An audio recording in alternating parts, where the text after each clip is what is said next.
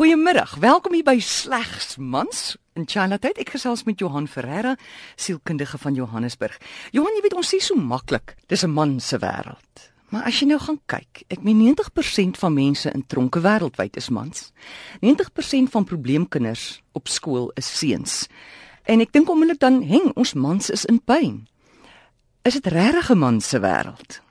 Weet jy almore dis dis in sekere aspekte seer sekerlik 'n man se wêreld mans het groot voordele wat hulle moet aangryp maar dit kom met geweldige verantwoordelikheid en natuurlik geweldige emosionele druk wat op hulle geplaas word van kleins af om sekere van hulle emosionele wêreld op 'n heeltemal ander manier te hanteer as wat meisies en vrouens gesosialiseer word om dit te doen Ek het eendag gelees dat ma's onbewuslik hulle dogtertjies anders grootmaak as seuns. Byvoorbeeld 'n ma sal konstant praat met 'n dogtertjie. Sy sal byvoorbeeld loop in die winkel en sê: "O, kyk daar, vandag kos tomatiesou soveel en môre, o, gits, kyk hoeveel kos die melk vandag." met die dogtertjie, maar nie met die seun nie. En toe het ek gelees en jy kan my reghelp hier dat die neurologiese paaie in jou brein vir kommunikasie word gevorm tot en met die ouderdom van 18 maande.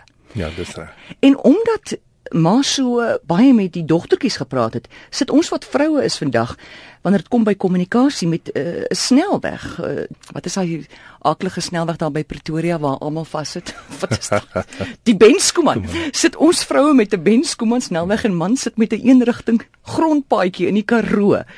Dink jy dit is die probleem dat hulle nie kan uiting gee? Oor hoe hulle voel nie. D dit is sodat mans en vrouens se se breine heeltemal anders bedraad is en natuurlik word dit beïnvloed deur ouers wat wat op 'n bepaalde manier met hulle kinders kommunikeer. Mamas praat baie meer met hulle dogtertjies, sekerlik omdat die dogtertjies van nature meer aanvaarbare respons vir hulle gee, um, beter oogkontak en jy weet lag meer. So dit begin reeds vroeg vroeg vasgelê word in die in die brein van die man dat sekere gedrag nie oor gepraat word nie, sekere gevoelens word nie gekommunikeer nie. So dit is maar 'n ding wat van ver af kom.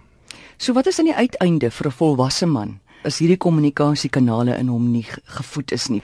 Kyk vir meeste mans wat nie 'n emosionele binnewêreld toelaat nie, um, wissel hulle gedrag tussen um, aggressiewe eksplosiwiteit en dan die die emosionele on um, onbereikbaarheid. So dis 'n dis 'n bietjie van 'n wipplank ryery vir meeste mans om uiteindelik gemaklik te raak met hulle met hulle emosionele kommunikasie. Ehm um, dankie tog dat daar vrouens is wat nou vir ons dwing en dit van ons verwag om daardie deel van ons van ons brein, daardie deel van ons kommunikasie te ontwikkel. Jy weet want as ons nou op ons eie gelaat word, dan sal ons so elke derde dag moontlik iets vir mekaar sê en eintlik heeltemal gemaklik wees daarmee. Gee 'n bietjie raad vir vroue hier. Wat kan jy maak om jou man meer gemaklik te maak dat hy kan praat oor sy binnelandskap? Of is dit te laat as jou man nou al klaar 50 is? Nee, wat is nooit te laat nie. Ek dink die die goue reël is om 'n balans te probeer handhaaf moet asseblief nooit ophou om daardie verwagtinge van hom te hê nie. Maar ag asseblief, hê dan van tyd tot tyd so 'n bietjie genade.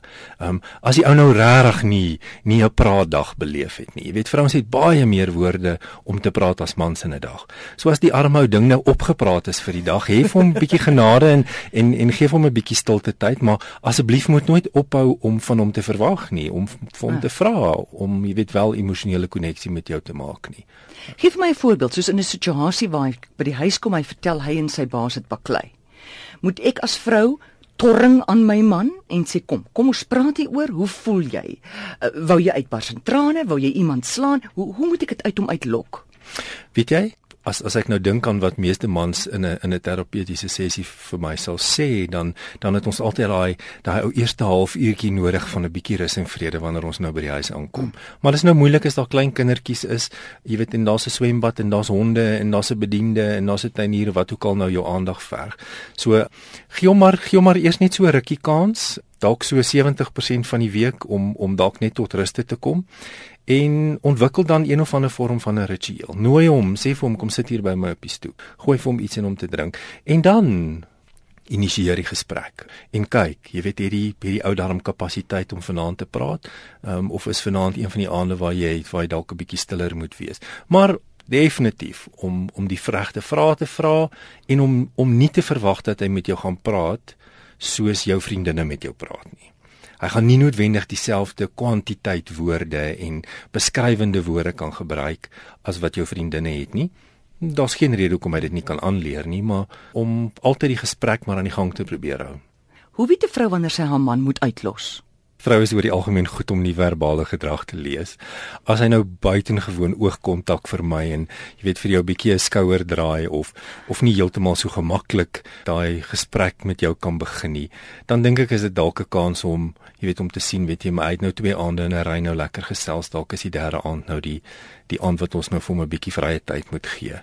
Ehm um, so lees maar die situasie, jy weet ehm um, jy weet net soos net soos vrouens baie van mekaar verskil so verskil mans baie van mekaar. Baie mans praat baie maklik, maar hulle praat nie noodwendig diep nie. Om maar jy weet die die die verhouding as die bepaler te gebruik vir wanneer wanneer is daar tyd vir 'n ruskansie. Die Amerikaanse skrywer en filosoof Henry Thoreau het gesê die meeste mans lei 'n stil lewe van wanhoop. En hierby slegs mans wil ons 'n bietjie meer hoop gee oor daai storie.